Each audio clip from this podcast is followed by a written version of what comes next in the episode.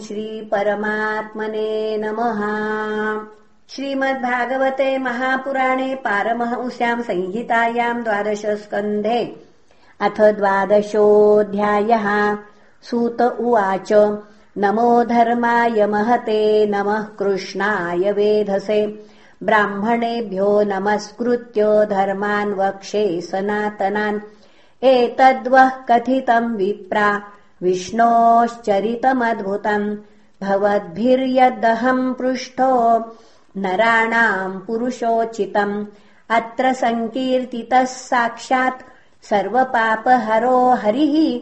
नारायणो ऋषिकेशो भगवान् सात्वताम् पतिः।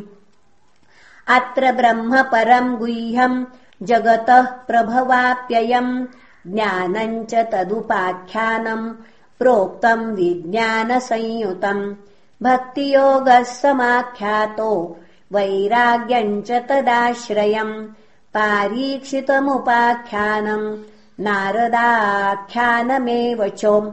प्रायोपवेशो भगराजर्षेर्विप्रशापात् परीक्षितः।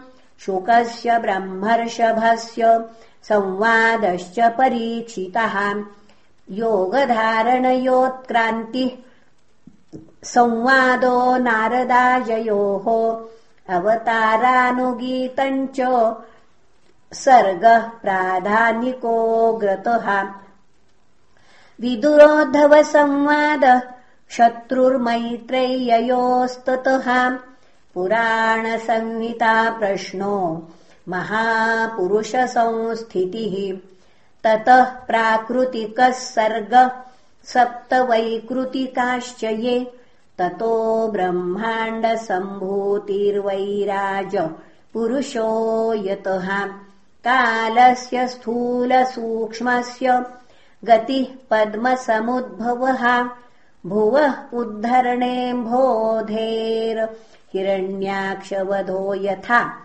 ऊर्ध्वतीर्यगवात्सर्गो रुद्रसर्गस्तथैव च अर्धनारीनरस्याथ यतः स्वायम्भुवो मनुः शतरूपा च या स्त्रीणा माद्या प्रकृतिरुत्तमाम् सन्तानो धर्मपत्नीनाम् कर्दमस्य प्रजापतेः अवतारो भगवत कपिलस्य महात्मनः देवहूत्याश्च संवाद कपिलेन च धीमता।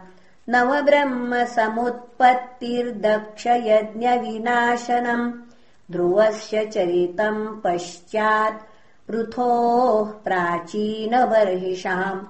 नारदस्य च संवादस्ततः प्रय्यव्रतम् द्विजाः। नाभेस्ततोऽनुचरितम् वृषभस्य भरतस्य च। द्वीपवर्षसमुद्राणाम् गिरिनद्युपवर्णनम् ज्योतिश्चक्रस्य संस्थानम् पातालनरकस्थितिः दक्षजन्म प्रचेतोऽभ्यस्तत्पुत्रीणाम् च सन्ततिः। यतो देवासुरनरास्तिर्यम् नगखगादयः त्वार्ट पुनः त्वार्ष्टस्य जन्मनिधनम् पुत्रयोश्च दितेर्द्विजाः दैतेश्वरस्य चरितम् प्रह्लादस्य महात्मनः मन्वन्तरानुकथनम् गजेन्द्रस्य विमोक्षणम् मन्वन्तरावताराश्च विष्णोर्हयशिरादयः। कौर्मम् धान्वन्तरम् मात्स्यम् वामनम् च जगत्पतेः। क्षीरोदमथनम् तद्वदमृतार्थे दिवौकसाम् देवासुरमहायुद्धम् राजवंशानुकीर्तनम् इक्ष्वाकुजन्म तद्वंश सुद्युम्नस्य महात्मनः इलोपाख्यानमन्त्रोक्तम् तारोपाख्यानमेव च सूर्यवंशानुकथनम् शशादाद्या मृगादयः सौकन्यम् चाथ शर्यातेः ककुत्थस्य च धीमतः खट्वाङ्गस्य च मान्धातु सौभरे सगरस्य च रामस्य कोसलेन्द्रस्य चरितम् किल्बिषापहम् निमेरङ्गपरित्यागो जनकानाम् च सम्भवः। रामस्य भार्गवेन्द्रस्य निक्षत्रकर्णम् भुवः।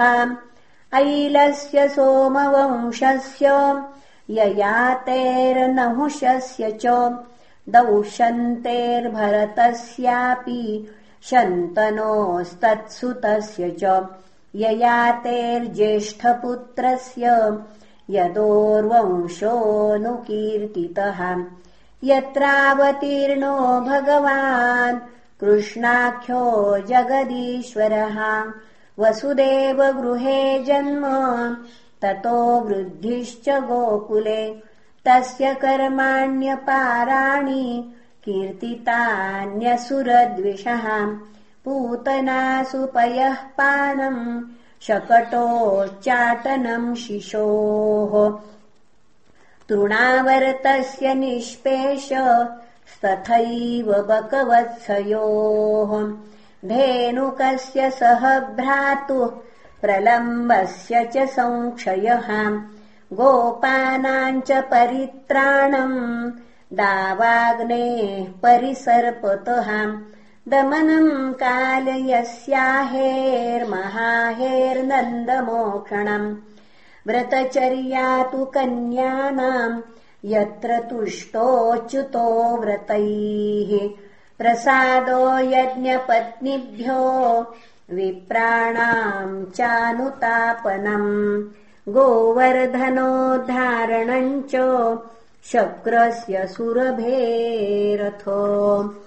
अयज्ञाभिषेकम् कृष्णस्य स्त्रीभिः क्रीडाचरात्रिषु शङ्खचूडस्य दुर्बुद्धेर्वधोरिष्ठस्य केशिनः।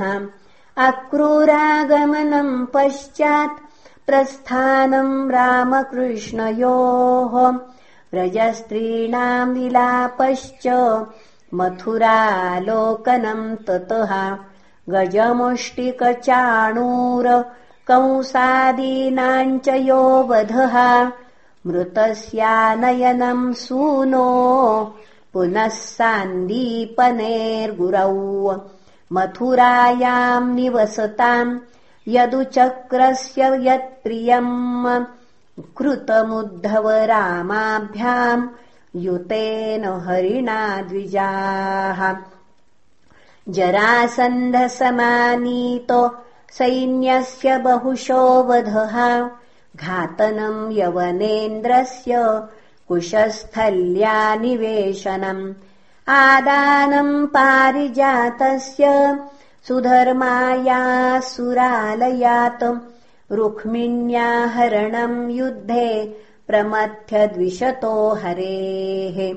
हरस्य जृम्भणम् युद्धे बाणस्य भुजकृन्तनम् प्राग्ज्योतिषपतिम् हत्वा कन्यानाम् हरणम् च यत् चैद्यपौण्ड्रकशाल्वानाम् दन्तवक्त्रस्य दुर्मतेः शम्बरो द्विविदः पीठो मुरः पञ्चजनादयः। माहात्म्यम् च वधस्तेषाम् वाराणस्याश्च दाहनम् भारावतरणम् भूमेर्निमित्तीकृत्य पाण्डवान्। विप्रशापापदेशेन संहारस्वकुलस्य च उद्धवस्य च संवादो वासुदेवस्य चाद्भुतः यत्रात्मविद्याह्यखिला प्रोक्ता धर्मविनिर्णयः ततो मर्त्यपरित्याग आत्मयोगानुभावतः। युगलक्षणवृत्तिश्च कलौ नृणामुपप्लवः। चतुर्विधश्च प्रलय उत्पत्तिस्त्रिविधा तथा देहत्यागस्य राजर्षेर्विष्णुरातस्य धीमतः शाखा प्रणयनमृषेर्मार्कण्डेयस्य सत्कथाम् महापुरुषविन्यास्य। सूर्यस्य जगदात्मनः इति चोक्तम् द्विजश्रेष्ठा यत्पृष्ठोऽहमिहास्मि वः। लीलावतारकर्माणि कीर्तितानिह सर्वशः पतितस्खलितश्चार्त क्षुत्वा वा विवशो ब्रुवन्। हरये नम इत्युच्चैर्मुच्यते सर्वपातकात्। सङ्कीर्त्यमानो भगवानन्तः श्रुतानुभावो व्यसन्हि पुंसाम् प्रविश्य चित्तम् विधुनोत्यशेषम् यथा तमोर्को भ्रमिवातिवातः।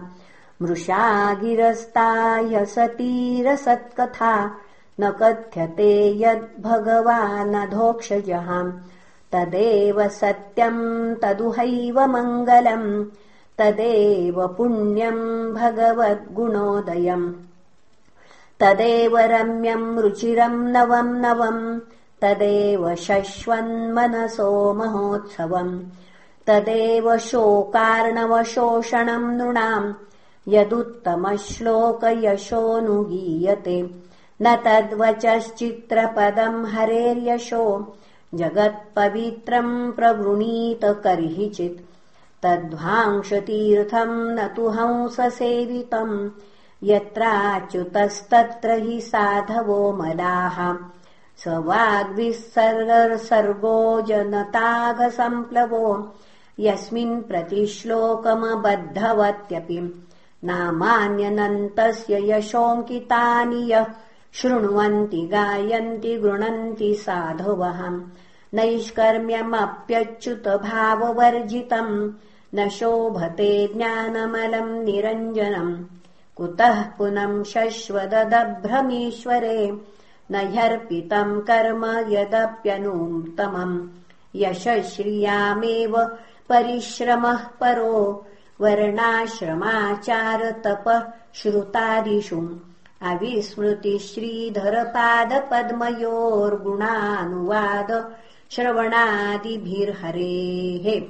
अविस्मृतिः कृष्णपदारविन्दयो क्षिणोत्यभद्राणि शमम् तनोति च सत्त्वस्य शुद्धिम् परमात्मभक्तिम् ज्ञानम् च विज्ञानविरागयुक्तम् यूयम् द्विजाग्रयावत भूरिभागा यच्छश्वदात्मन्यखिलात्मभूतम् नारायणम् देवमदेवमीश मजस्रभावा भजता विवेशम्। अहम् च संस्मारितमात्मतत्त्वम् श्रुतम् पुरा मे परमर्षिवक्त्रात् प्रायोपवेशे नृपते परीक्षित सदसृषीणाम् महताम् च शृण्वताम्। एतद्वः कथितम् विप्रा कथनीयोरुकर्मणः।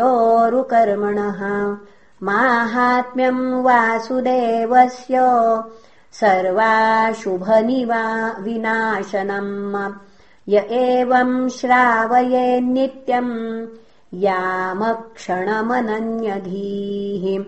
श्रद्धावान् योऽनुशृणुयात् पुनात्यात्मानमेव सहाम् द्वादश्यामेकादश्याम् वा शृण्वता शृण्वन्नायुष्वन्। पुनः।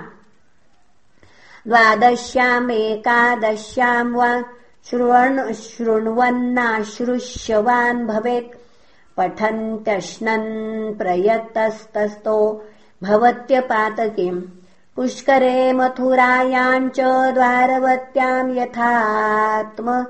नावान् उपोषसंहितामेताम्। पठित्वामुच्यते भयात्।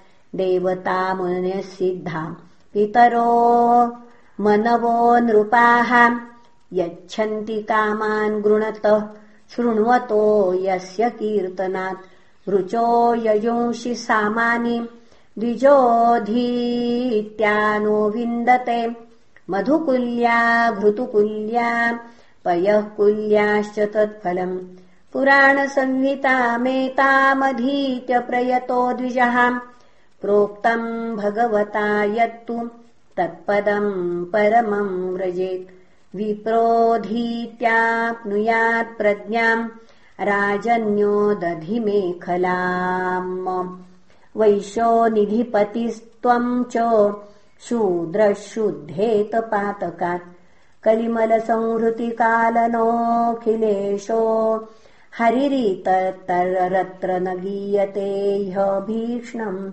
इह तु पुनर्भगवान् शेषमूर्तिः परिपठितोऽनुपदम् कथाप्रसङ्गैः तमहमजमनन्तमात्मतत्त्वम् जगदुदयस्थिति संयमात्मशक्तिम् द्युपतिभिरज शक्र शङ्कराद्यैर्दुरवसित स्तवमच्युतम् नतोऽस्मि उपचितनवशक्तिभिः स्व आत्मन्युपरचितस्थिर जङ्गमालयाय। भगवत उपलब्धिमात्रधाम्ने सुरऋषभाय नमः सनातनाय। स्वसुखनिवृतचेतास्तद्व्युदस्तान्यभावो व्यजित रुचिरलीलाकृष्टसारस्तदीयम्। व्यतनुत कृपया यस्तत्त्वदीपम् पुराणम् तमखिलवृजिनग्नम् व्याससूनुम् नतोऽस्मि। इति श्रीमद्भागवते महापुराणे पारमहंस्याम् संहितायाम् द्वादशस्कन्धे। द्वादशस्कन्धार्थ निरूपणम् नाम द्वादशोऽध्यायः। श्रीकृष्णार्पणमस्तु। हरये नमः हरये नमः हरये नमः